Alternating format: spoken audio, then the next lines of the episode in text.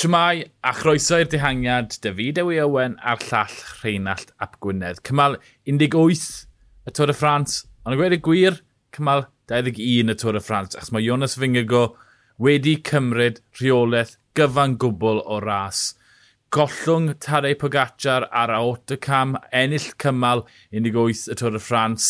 Munud o fwlch ar y llinell, 3 munud 26 eiliad y fwlch yn y ras am y Cris Melin rhwng Pogacar, nath ymosod ar y col dysbandles a Jonas Fingigo. Geraint nawr 8 munud nôl yn y dosbarthu cyffredinol yn saff o'r podiwm. Mae'r bylch yn fawr achos mae'r gwahaniaeth rhwng pawb yn fawr Reinald. O, oh, yn sicr. A ni, tyma, ni wedi gweld hyn ers yr Alpe, really. Mm -hmm. Mae'r ma, ma stori er mae yna elfennau gwahanol o ddydd i ddydd. Mae'r ma ma, stori fawr wedi aros yr un peth, ond diwe, Pogacar a Fingago ar lefel gwbl wahanol o ran y dosbarthiad, Geraint yw'r agosa, agosa, tuag ato nhw, a wedyn ni mae pawb arall ymhell tu ôl. Rasio ffantastig heddi, mm -hmm. joyous i fe, mas draw, tactegau eto Iambo, Wout, mm -hmm. mynd lan o'r hewl. Oedd e bach yn ddiddorol am gyfnod ar yr Hotacam. O ti'n meddwl, oedd i Wout actually yn rasio fingeg go fan hyn? E, oedd e fel tas fe eisiau cymal arall, ond oedd y tân tu ôl lot yn ei galed. Ar ôl i Sepcws orffen i waith, oedd Wout na i, i dywys y lan am gwbl o gilometre cyn bod fingeg go yn tanio'r afterburners ac yn gorffen y mynyddodd fel ddylse ti. Hynny yw, gweud, fi yw'r gorau, fi sy'n mynd i ennill y tor ma.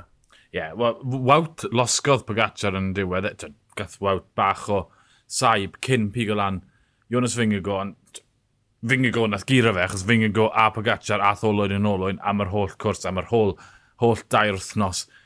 Gair am Wout, o'n i'n credu bod e'n mynd am cymal o gwbl. O'n i'n credu bod e'n trio cyrraedd y, cyn y gosod oedd yn gallu i'r copa, achos twyd, pob dydd ni wedi gweld yn aros ar y twyd, disgyniad ola ni, yn trod ar y llawr.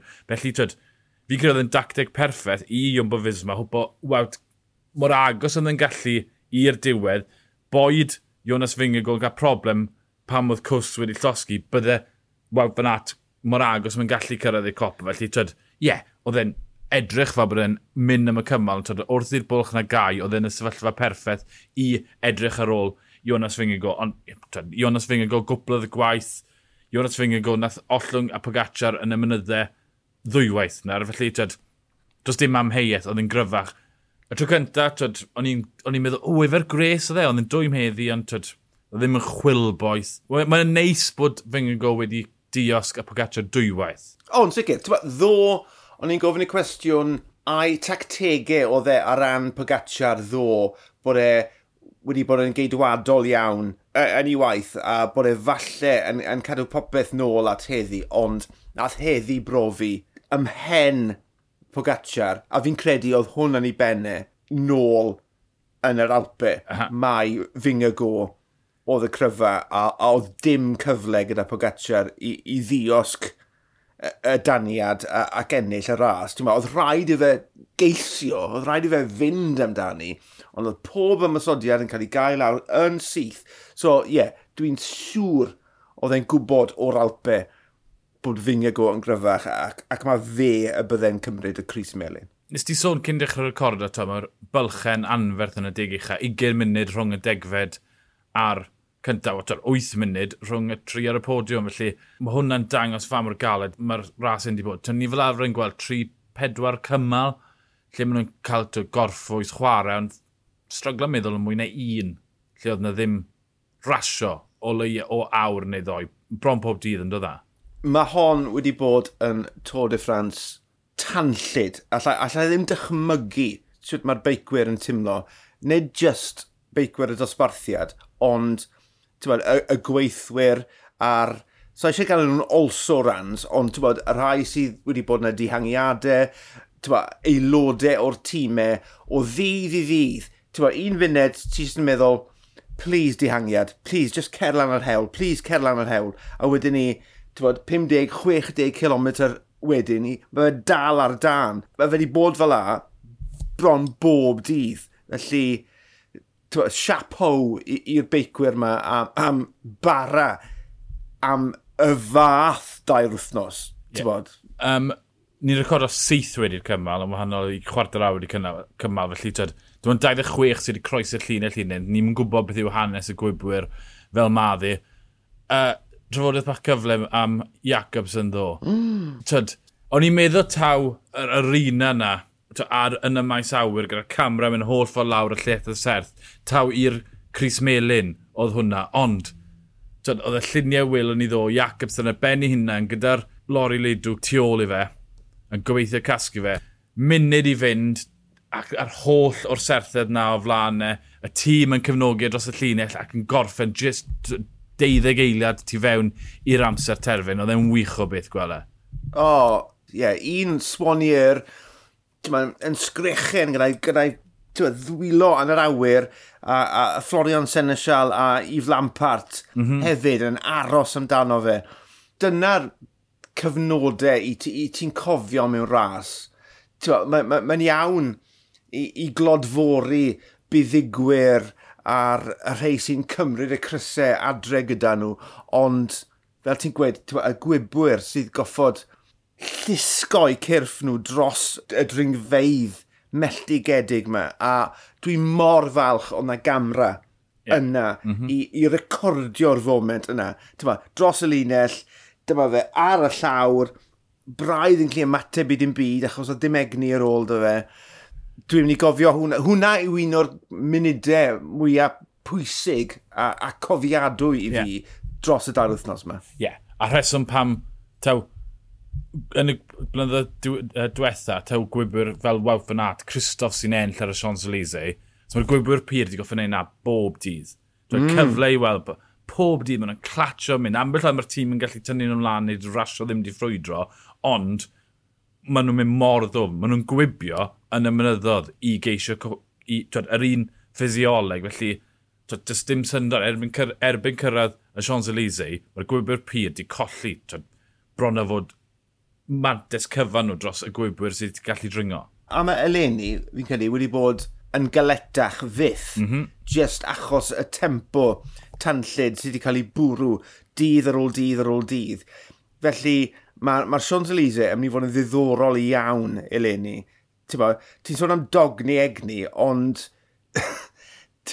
bod, dyn nhw ddim wedi gallu neud y fath beth eleni. Ti'n bod, just, just achub, ychydig bach o egni, maen nhw wedi mwy na thebyg llwyddo wneud eleni. Mae cymal mewn cronfachau gwibio fori gawn ni weld os ydy dihangiad arall eif amdani, ond dwi rili really a diddordeb a gweld pwy sydd â unrhyw beth ar ôl am y wyb na yn y Sions Elise.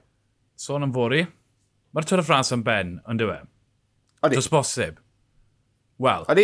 dim os ti'n hollol addicted i Windfinder fel i fi, achos mae'r cwrs o Castellnau Manioac i Caho 190 km yn groeswynt pyr yr holl ffordd. Oce, okay, beth yw cyflymder uh, y gwynt? 25 km yr awr, a mae'r so ma ma ma storm mas yn Bai Biscay, a mae'n dod mewn, a mae e yn dod, ie, yeah, o Biarritz, rhwng y Pyrenea'r Massif Central.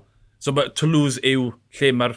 Mae, mae jyst i'r gorllewin y Toulouse, a Toulouse yw lle mae'r awyr yn cael ei cywasgu mewn i fynd i'r môr y canoldir. Nawr, fi wedi dysgu'n werth, 25 km awr ddim yn ddigon. Ond os mae'n codi, dyw e ddim fel, o, oh, mae yna sector lle mae yna groeswynt, mae'n groeswynt pyr yr holl ffordd. Mae'r holl gwrs yn y gored heb lawn pan mae'n mynd trwy trefi. Petaser, dosbarthiau cyffredinol, y bylchau yn dair munud, twed, rhwng geraint a'r blaen, bydde ti'n gweud bod cyfle dy fe, ond mae'r bylchau yn anferthol. Fy'n go, 3 munud 26 o flaen, geraint 8 munud tu ôl.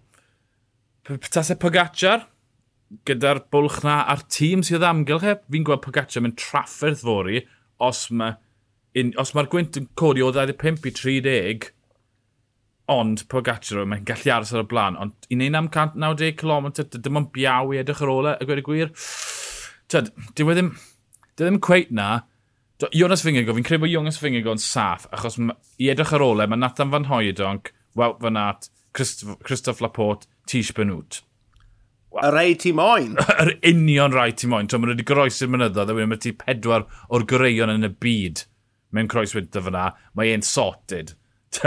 Fi'n ffyn, er bod e ddim gyda'r gore, mae e'n iawn. Ond mae Pagacha, wel, boi, boi biaw neu McNulty'n cysgu ar ddechrau'r dydd, bach o drafferth. Mae Hirsi mynd i fod syth mas y cefn. Dwi biaw ddim yn disgwyl yn dda heddi.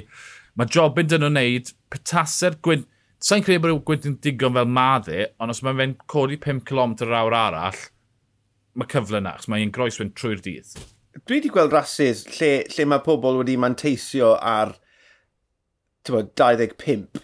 Achos mae, mae, mae fe lot i wneud gyda agwedd y peloton, yn dwi e, os, os i ti yn taflu dy hunan ar, ar y blaen, mae'r ma, ma gwana wastad yn cael ei taflu mas o'r cefn byth bynnag. Felly mae fe lot i wneud gyda nerfusrwydd a, a, a chryfder gyment a'r gymaint o wynt hefyd, felly ah, a hefyd, mae'n mae, mae dibynnu ar beth sydd ar ôl yn y tanc mm -hmm. gyda'r peleton. Falle fod y dosbarthiad jyst yn mewn, roet, ni'n derbyn e, dyma'r deg ucha Paris, party. Yn y croes wyntodd yn 2013, gollodd Falferde 9 munud. Do. Dyw e ddim yn mynd i ddigwydd. Dyw'r 8 munud na ddim yn mynd i ddiflannu. Dyw y gwynt ddim yn mynd i fod digon cryf. Diw'r echelons byth yn troi lam pam ti wir y moyn nhw, ond mae na obeth bod, na, bod y ras ddim ar ben yn hollol, bod, bod na benod arall yn mynd i ddigwydd. Achos ni'n wedd o sicr gwybod beth sy'n mynd i ddigwydd yn y ras yn ebyn y cloc. Mae nhw'n mynd i bennu o amgylch munud o gilydd y, y tri ucha. Sa'n gwybod pa trefn, dim ni yr ymdrech, blinder, sefyllfa. Ond, ie, yeah, mae yna obeth bach bach, bach, bach, ond gobeth yw e. Wel, ymunwch dyn ni fori i ffind yma siwr o fod bod ddim echelons di bod, ond gewn ni weld, newn ni drafod be bynnag ddigwyddodd yr hewl be bynnag. Mae fideo i Owen a llall Rhain a Llap Gwynedd, ni'r dihangiad, hwyl.